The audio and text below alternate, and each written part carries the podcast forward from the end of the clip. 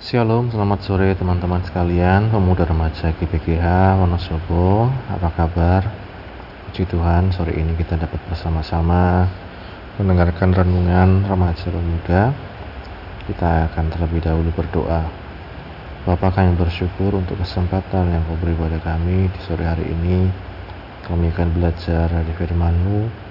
Kami akan Tuhan menerima firman-Mu, membaca, merenungkan Tuhan dan mampukan kami untuk melakukan firman-Mu. Roh Kudus menolong kami untuk kami dapat terus Tuhan berjalan dalam kebenaran firman-Mu. Kami bersyukur Bapa dalam nama Tuhan Yesus kami berdoa haleluya. Amin. Teman-teman sekalian, sore ini kita akan belajar bagaimana bersikap ketika kita salah ya. Kita melihat satu peristiwa yang pernah terjadi waktu Tuhan Yesus masih ada di dalam dunia ini. Dalam Yohanes pasal 8, Yohanes 8 ayat 1 dan seterusnya akan saya bacakan ya. Yohanes pasal yang ke-8 ayat 1 Tetapi Yesus pergi ke Bukit Zaitun Pagi-pagi benar ia berada lagi di bait Allah dan seluruh rakyat datang kepadanya. Ia duduk dan mengajar mereka. Maka ahli-ahli Taurat dan orang-orang Farisi membawa kepadanya seorang perempuan yang kedapatan berbuat zina. Mereka menempatkan perempuan itu di tengah-tengah lalu berkata kepada Yesus, Rabi, perempuan ini tertangkap basah ketika ia sedang berbuat zina. Musa dalam hukum Taurat memerintahkan kita untuk melempari perempuan-perempuan yang demikian. Apakah pendapatmu tentang hal itu? Mereka mengatakan hal itu untuk mencobai dia supaya mereka memperoleh sesuatu untuk menyalahkannya. Tapi Yesus membungkuk lalu menulis dengan jarinya di tanah. Dan ketika mereka terus menerus bertanya kepadanya, ia pun bangkit berdiri lalu berkata kepada mereka, Barang siapa di antara kamu tidak berdosa, Hendaklah ia yang pertama melemparkan batu kepada perempuan itu. Lalu ia membungkuk pula dan menulis di tanah. Tapi setelah mereka mendengar perkataan itu, pergilah mereka seorang demi seorang mulai dari yang tertua. Akhirnya tinggallah Yesus seorang diri dengan perempuan itu yang tetap di tempatnya. Lalu Yesus bangkit berdiri dan berkata kepadanya, Hai perempuan, di manakah mereka? Tidak adakah seorang yang menghukum engkau? Jawabnya, Tidak ada Tuhan. Lalu kata Yesus, Aku pun tidak menghukum engkau. Pergilah dan jangan berbuat dosa lagi mulai dari sekarang. Amin. Berbagai setiap kita baca, mendengar, dan yang melakukan firman Tuhan. Teman-teman sekalian, seperti yang saya katakan tadi, sore ini kita belajar bagaimana bersikap ketika berbuat satu kesalahan. Kita akan melihat uh, tema tadi atau melihat cerita tadi dari kacamata si perempuan yang kedapatan berzina. Ya. Berzina dapat diartikan sebagai melakukan hubungan dengan orang yang bukan pasangan sahnya, ya. Melakukan satu hubungan yang terlarang ya dengan orang yang bukan pasangan sahnya dan bagi bangsa Israel ya perkara ini adalah perkara yang serius. Hukumannya dikatakan dalam hukum Taurat dikatakan akan dilempari ya perempuan-perempuan yang demikian. Waktu itu orang-orang Farisi dan ahli Taurat membawa kepada Yesus orang perempuan yang kedapatan berbuat zina. Nah kemudian apa? Tidak hanya puas di situ mereka tempatkan perempuan itu di tengah-tengah lalu berkata kepada Yesus tapi perempuan ini tertangkap basah ketika ia sedang berbuat zina. Nah, teman-teman niat dari ahli Taurat dan orang Farisi tentunya yang pertama ia ingin uh, seperti apa ya mendapati seorang pencuri yang berbuat kesalahan uh, mendapati seseorang yang berbuat kejahatan ya menangkap basah ya dan kemudian yang kedua ingin mempermalukan perempuan tersebut yang ketiga ingin mencobai Tuhan Yesus ya, ngetes Tuhan Yesus akan melakukan seperti apa kalau mendapati kasus seperti ini ya. Nah, kemudian kita melihat teman-teman sekalian, ketika Yesus dihadapkan pada masalah tersebut, Yesus hanya membungkuk lalu menulis dengan jari di tanah. Ya. Dan ketika mereka masih terus bertanya kepadanya, apa yang Yesus katakan? Ya, Barang siapa di antara kamu tidak berdosa, hendaklah ia yang pertama melemparkan batu kepada perempuan itu. Ya, Yesus katakan kalau ada orang yang tidak berdosa di sini, kalau ada orang yang membawa perempuan tersebut dan menempatkannya di tengah-tengah mereka dan ia tidak berdosa, maka ialah yang harus pertama kali melemparkan batu pada perempuan itu. Lalu ia membungkuk pula dan menulis di tanah. Nah, ketika tetapi setelah mereka mendengar perkataan itu, pergilah mereka seorang demi seorang, mulai dari orang yang tertua. Akhirnya tinggallah Yesus seorang diri dengan perempuan itu yang tetap di tempatnya. Perempuan itu kita lihat teman-teman dia ya mau bilang apa ibaratnya tidak bisa berbuat apa-apa sudah dipermalukan dengan berbagai macam ya perkataan orang hujatan orang ya. Dalam bahasa sekarang hujatannya netizen ya komentar netizen begitu kejam pedas ya. Kalau ada orang yang berbuat kesalahan. Kita melihat berita-berita ya misalnya ada penyanyi religi dia berbuat kesalahan. Lalu rame-rame dihujat. Ketika ada mungkin tokoh berbuat kesalahan salah ngomong rame-rame dihujat dan lain-lain. Ya ya lalu Yesus katakan apa kepada perempuan itu Yesus bangkit berdiri dan berkata kepadanya Hai perempuan, di manakah mereka? Tidak adakah seorang yang menghukum engkau? Ya.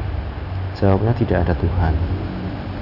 Lalu kata Yesus, aku pun tidak menghukum engkau, pergilah dan jangan berbuat dosa lagi mulai dari sekarang. Ya. Apa yang Yesus katakan? Pertama, dia tanya, Hai perempuan, di manakah mereka? Tidak adakah seorang yang menghukum engkau? Kedua, Aku pun tidak menghukum engkau, engkau, ya, perempuan ini. Pergilah dan jangan berbuat dosa lagi mulai dari sekarang. Nah, teman-teman kita melihat secara singkat perempuan ini dibebaskan dari hukuman yang seharusnya diterima.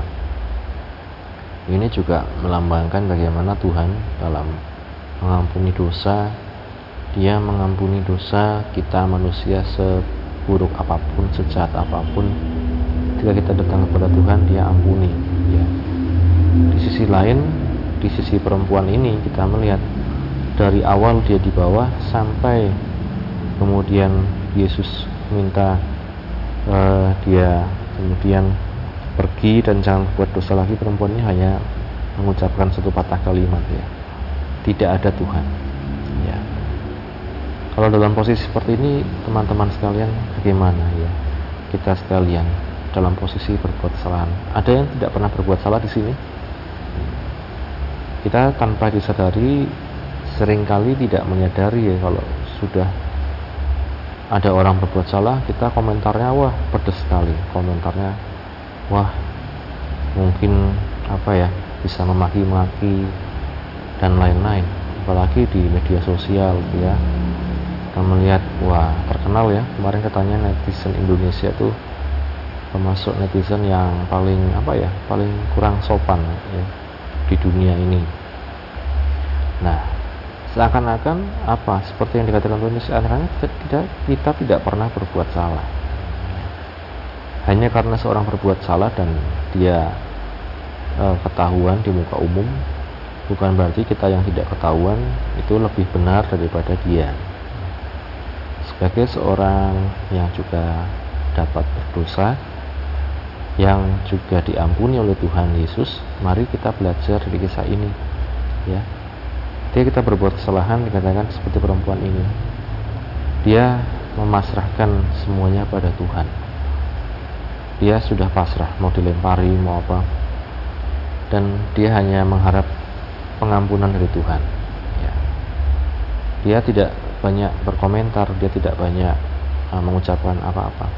Dia tahu ya dia berbuat salah dan itu sudah merupakan satu hukuman yang berat buat dia apalagi kalau dia dipermalukan kemudian rame-rame dihujat Nah, teman-teman sekalian, kita pun bisa berbuat kesalahan, termasuk saya.